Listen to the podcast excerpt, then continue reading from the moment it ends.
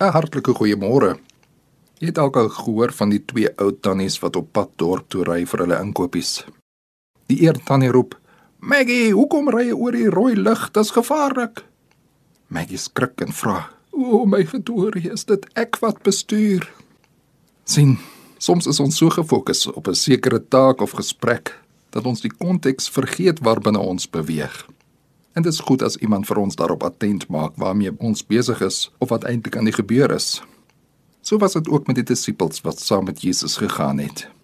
Hulle het wel 'n vermoede gehad dat Jesus deur God gestuur was, maar daarvandaan het hulle hulle eie verwagting vrye teels gegee.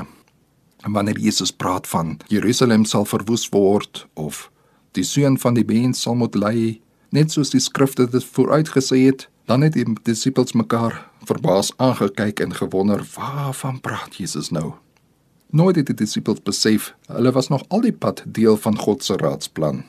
En eers later, na die kruis, na die opstanding en Pinkster, toe kry hulle oorsig en 'n insig wat God besig is om te doen.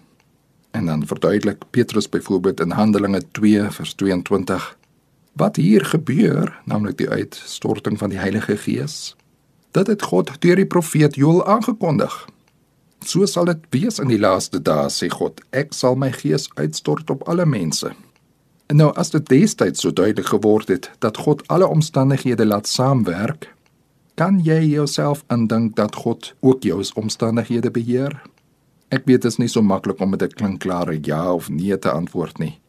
Maar ek wil jou aanmoedig om 'n sekere vertroue in die Here te plaas. Laat God God wees As God in beheer is en hy is in beheer, dan moet ook jou lewe deel wees van 'n baie baie groter plan as wat jy en ek ooit met ons verstand sal kan begryp. God se raadsplan sluit alle mense in, die hele natuur, die hele kosmos. Mag ek vir ons bid. Here, ook hierdie dag is deel van u omvattende plan. My werk, my vriende en familie, my vyande en droefhede, my lief en leed is onder u beheer.